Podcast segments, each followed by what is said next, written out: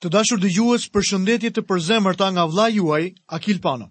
Ju uroj mirëseardhjen në programin e sotëm.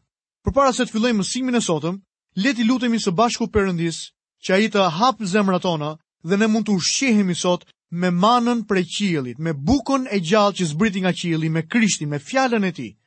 Zot, unë lutem sot që ti të bekosh çdo dëgjues, çdo vëlla dhe motër, çdo burrë dhe grua, çdo fëmijë o Zot, Lutem që ti të transformosh dhe ndryshosh jetët tona ndërsa ne i dorëzojmë ato o Zot tek fjala e hirit tënd. I dorëzojmë o Zot jetët tona në duart e tua dhe lutemi që ti besniku dhe i vërteti ta plotësosh punën e mirë që ke nisur në jetën tonë. Ti ke premtuar o Zot që ti do ta çosh deri në fund o Zot dhe ti do të ruash visarin tonë o Zot deri në ditën e fundit. Atë në emrin e Jezusit. Unë të falenderoj ty për privilegjin që kam të ndaj fjalën tënde sot me këta dëgjues të dashur dhe të falenderoj për të gjithë dëgjuesit për privilegjin që ata kanë sot për të dëgjuar zërin tënd. Jezus ne jemi delet e tua dhe kemi të drejtën e ligjshme për të dëgjuar zërin tënd. Ti the Zot, delet e mia e dëgjojnë zërin tim. Unë i udhëheq dhe ato më ndjekin. Zot flitna ndërkohë që sytë tanë janë fokusuar dhe drejtuar tek ty o Zot. Kreu dhe përfunduesi i besimit tonë. Në emrin tënd lutemi. Amen. Do ta fillojmë menjëherë mësimin e sotëm te kapitulli i 19 i librit të Eksodit, nga vargu i 6. Ju do të jeni për mua një mbretëri priftërinjsh dhe një komb i shenjtë. Këto janë fjalët që do t'u thuash bijve të Izraelit. Plani fillestar ishte që Izraeli të bëhej një mbretëri priftërinjsh. Të gjitha fiset do të ishin priftërinj. Për shkak të dështimit të tyre për të hyrë në vend në Kadesh Barnea, dhe për shkak se bënë dhe më pas adhuruan një viç të artë, ndërkohë që Moisiu ishte në mal duke marrë ligjin e Perëndisë, vetëm një fis u zgjodh për të qenë një fis priftëror. Megjithatë, qëllimi përfundimtar i Perëndisë në mijëvjeçar është ta bëjë gjithë kombin një mbretëri priftërinjsh. Kjo do të ndodhë shumë kohë pas largimit të kishës nga kjo tokë dhe të jetë në qiell me Zotin Jezu Krisht në Jeruzalemin e ri. Lexojmë vargun e shtatë. Atëherë Moisiu dërgoi e thirri pleqtë e popullit dhe u tha, tërë këto fjalë që Zoti kishte urdhëruar të thoshte. Dëgjojni me vëmendje këta njerëz. Shihni se çfarë besimi dhe sigurie që ata kanë. Shohim më poshtë vargun e tetë. Dhe tërë populli u përgjigj bashkë dhe tha, Ne do të bëjmë gjithçka që ka thënë Zoti. Kështu Moisiu i raportoi Zotit fjalët e Zotit. Dhënia e ligjit për kombin e Izraelit në malin Sinai ishte fillimi i sundimit të ligjit. Ky sundim zgjatet në kohë nga mali Sinai deri në kryqin e Kalvarit, nga Eksodi deri te kryqi. Është një zbulesë për një popull që jeton në kushte ideale, se ata nuk do të mund t'i përmbahen ligjit në çdo pikë. Izraeli tha, Gjithçka që ka dhënë Zoti, ne do ta bëjmë. Ata thanë, Sille, ne do t'i përmbahemi ligjit. Që para se ta dinin se çfarë ishte, ata bënë një pohim të tillë. Pastaj, ata demonstruan për 1500 vjet se nuk mund t'i përmbaheshin ligjit në çdo pikë të tij. Shumë njerëz sot e kësaj dite kanë të njëjtin qëndrim. Ata mendojnë se njeriu natyror mund t'i pëlqejë Perëndisë. Njeriu natyror nuk mund t'i përmbahet ligjit në çdo pikë pasi dështon tmerrësisht në përpjekjet e tij. Ligji i Zotit u dha të kontrollojë natyrën tonë të vjetër, por nuk mundet, sepse natyra e vjetër është një aktiviste revolucionare që nuk mund të mbahet në kontroll. Apostulli Pal na jep një përmbledhje të kësaj ideje tek letra e Romakëve kapitulli 8, vargjet 6 dhe 7, kur ai thotë. Në fakt, mendja e kontrolluar nga mishi prodhon vdekje, Por mendja e kontrolluar nga fryma prodhon jetë dhe paqe. Në fakt mendja e kontrolluar nga mishi është armiqësi kundër Perëndisë sepse nuk i nënshtrohet ligjit të Perëndisë dhe as që mundet. Ju dhe unë kemi natyrën tonë të vjetër që është në armiqësi me Perëndinë. Ajo nuk mund t'i bindet kurrë Perëndisë dhe asnjëherë nuk mund të jetë e pëlqyer përpara tij. A keni parë këtë gjë në jetën tuaj? A keni arritur ndonjëherë në përfundimin se keni dështuar plotësisht në përmbushjen e standardeve të Perëndisë? Falënderoj Zotin që ka bërë një marrëveshje tjetër me ne. Nuk ka më hipokrit në botë se sa dikush që thotë, unë e zbatoj ligjin e Zotit pikë për pikë. Askush nuk mund t'i përmbushë dot standardet e Perëndisë miku im. Shikoni Izraelin. Perëndia do t'u japë një ligj dhe ata thonë, Sille, jemi gati ta zbatojmë. Kjo është një shfaqje interesante e sigurisë së tepruar dhe arrogancës njerëzore. E prapëseprapë, ka me mijëra e mijëra njerëz, edhe sot, që pretendojnë se janë në gjendje ta zbatojnë ligjin me përpikmëri, edhe pasi Zoti ka demonstruar qartë se askush nuk është në gjendje të marrë shpëtimin nga ligji për arsyen e thjeshtë se askush nuk është në gjendje që ta zbatojë ligjin e Perëndisë. Ky ligj u provua nën kushte ideale nga kombi i Izraelit. Le të shohim më poshtë vargun e 9. Shikojmë se si Izraeli përgatitet për vizitën e Perëndisë. Dhe Perëndia i tha Moisiut: "Ja, unë do të vij tek ti në një re të dendur, me qëllim që populli të dëgjojë kur unë do të flas me ty dhe të besojë përgjithnjë." Pastaj Mojsiu i tregoi Zotit fjalët e popullit. Ka disa njerëz që mendojnë se dhënia e ligjit ishte diçka e mrekullueshme.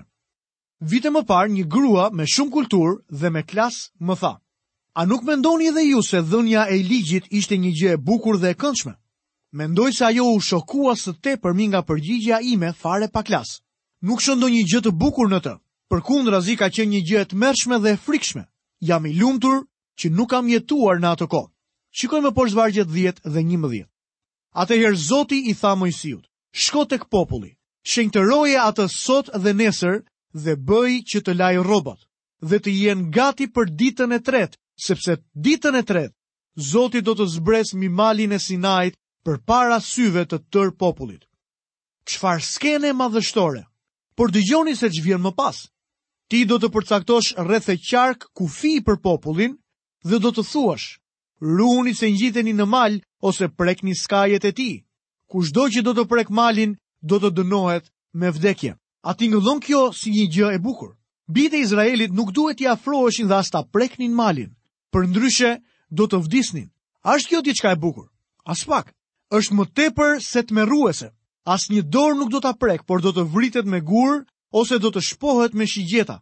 Qoftë njeri apo kafshë, nuk do të mbetet gjallë. Kur briri të dëgjohet shtruar, atëherë të ngjiteni mbi mal. Mojsiu zbriti nga mali drejt popullit, shenjtëroi popullin dhe ata i lanë rrobat e tyre.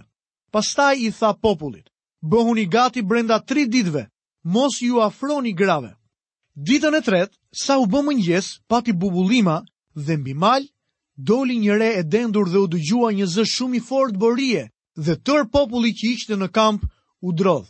Pamja e përshkruar nuk është ndonjë shfaqje cirku, por Perëndia që po u jep izraelitëve atë që ata e kishin kërkuar me aq ngulm, ligjin.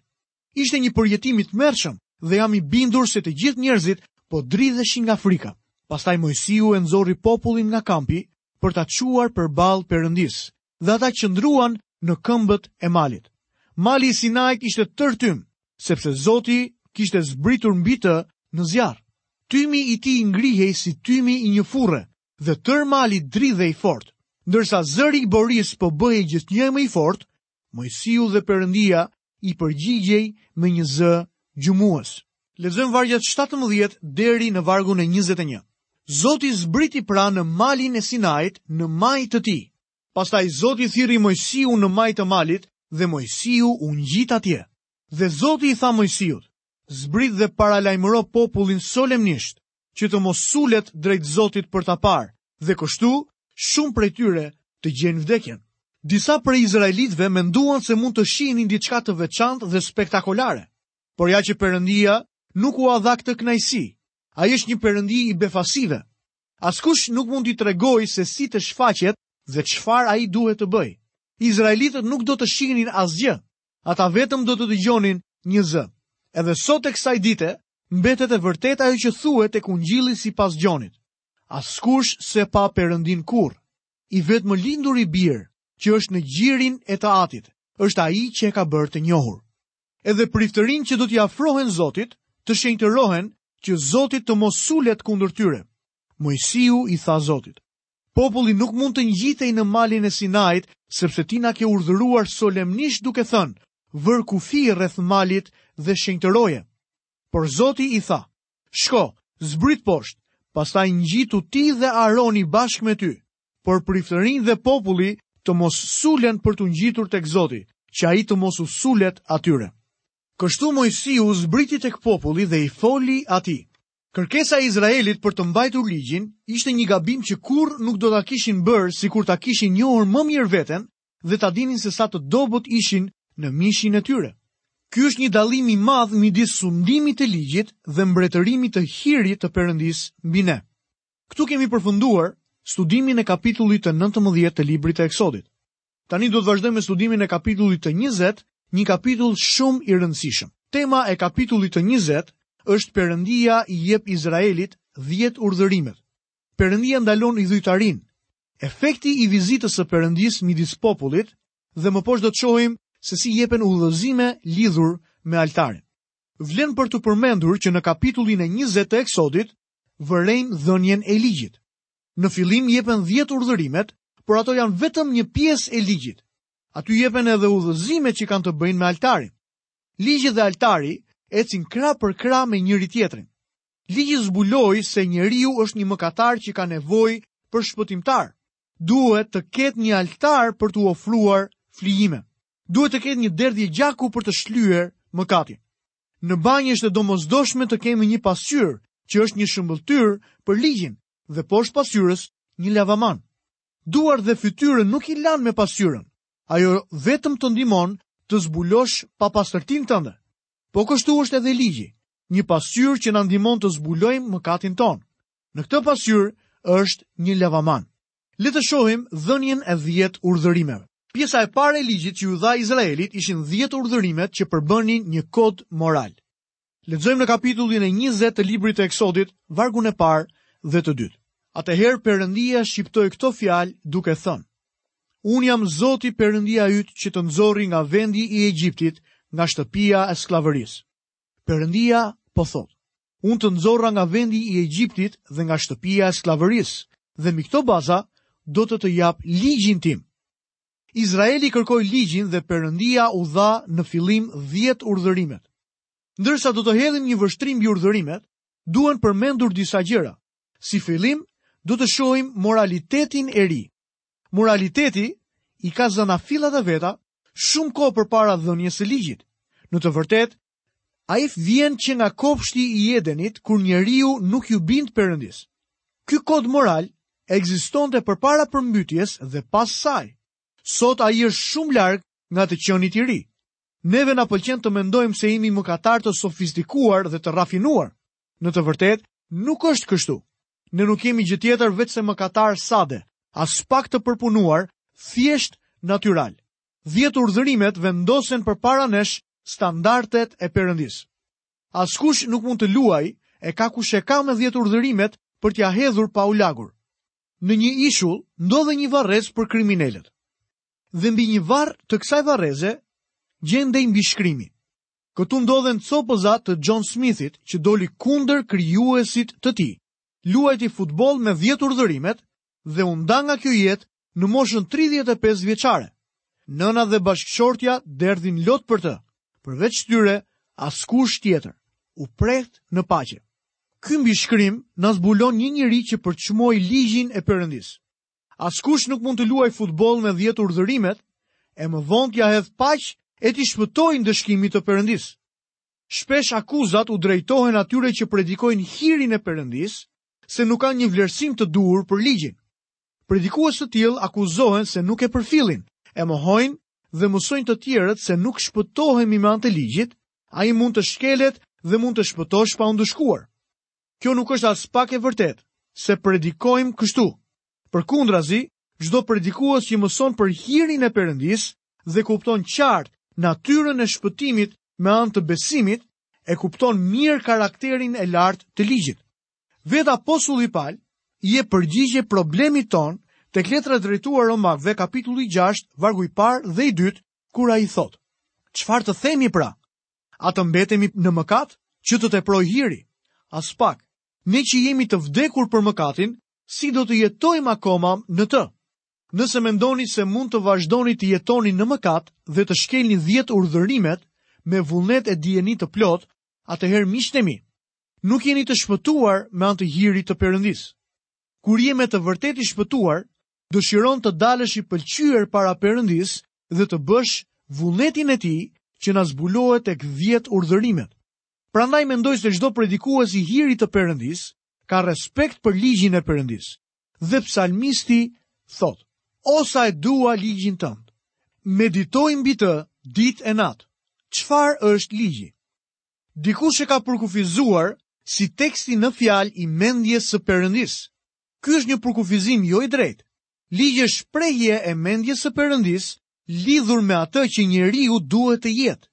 Ligji është një shprehje e vullnetit të shenjtë të Perëndisë. Tek Psalmi nëntëmbëdhjetë dhe vargu i shtatë, psalmisti sërish thotë: Ligji i Zotit është i përsosur, ai e përtërin shpirtin. Dëshmia e Zotit është e vërtetë dhe e bën të ditur njeriun e thjeshtë. Ligji kërkon përsosmëri nga ana juaj. Asnjëherë nuk kam takuar ndokënd që t'u jetë përmbajtur standardeve të Perëndisë. Ligji nuk është një nocion i gjerë e i përgjithshëm dhe nuk ka fare të bëjë me qëllimet e mira. Ligji kërkon bindje të përsosur dhe të plotë, sepse ligji i Zotit është i tillë, ai është i përsosur. Ligji i Zotit është i drejtë. Nocionet tona për të drejtën dhe të gabuarën janë të ngjyrosura nga mjedisi ynë dhe nga fakti se kemi një natyrë të rënë në mëkat. Ligji është zbulesë e Perëndisë. Perëndia ka hequr një vijë ndarëse midis së drejtës dhe së gabuarës. Si e dimë se diçka është e drejtë? Perëndia na e tregon këtë gjë. Ky brez i tanishëm që e kërkon kaq keqazi lirinë, po e vë në dyshim atë që është e drejtë. Pse qenka kaq gabim të vjedhësh? Shtrojnë pyetjen shumë njerëz. Ata nuk e kanë problem vjedhjen, por u pëlqen urdhërimi mos vrit. duke thënë se është një gabim i madh nga ana e qeverisë të kryejë vrasje duke ekzekutuar kriminelët. Sa të hallakatur janë këta njerëz. Sa të paditur janë në lidhje me ligjin. Përse është gabim të gënjesh ose të vjedhësh? Sepse Perëndia thotë se është gabim. Ju mund të thoni se është për të mirën e njerëzimit. Sigurisht që është. Ligji do të ishte një gjë e mrekullueshme nëse njeriu do t'i përmbahej atij. Njeriu nuk mund ta përmbush ligjin dhe burgjet, bravat e dyerve, fakti që do të duhet të firmosësh dhjetëra dokumenta për të marrë një kredi nga banka, dëshmojnë faktin se sot nuk të besojnë kollaj. Njëherë një kohë, fjala e burrit ishte e mjaftueshme, por tani ajo kohë ka shkuar dhe është harruar dhe kjo shprehje nuk vlen më. Ligji është një normë për sjelljen njerëzore. Vjedhja, gënjeshtra, mashtrimi, tradhtia bashkëshortore janë gabime sepse Perëndia thotë se janë të tilla. Ligji nuk mund të vetëzbatohet asnjëherë. Ligjdhënësi duhet të ketë pushtet. Perëndia e zbaton ligjin e tij me një ndikim të jashtëzakonshëm. Le të marrim si shembull ligjin e rëndesës. Ju mund të ngjiteni sa lart të dëshironi, por bëni mirë të mos e lëshoni objektin pas të cilit mbaheni përndryshe, mirupafshim nga kjo botë. Ligji i rëndesës është një veprim dhe nuk mund ta anullosh dot. Mund edhe të mundoheni sa të doni që ta ndryshoni, por në fund të fundit do të jeni gjithmonë pala që do të humbasë. Shumë njerëz mendojnë se mund t'i shkelin dhjetë urdhërimet me të dyja këmbët dhe t'ia hedhin pa u lagur. Kjo më kujton historinë e një njeriu që u hodh poshtë nga një ndërtesë e lartë.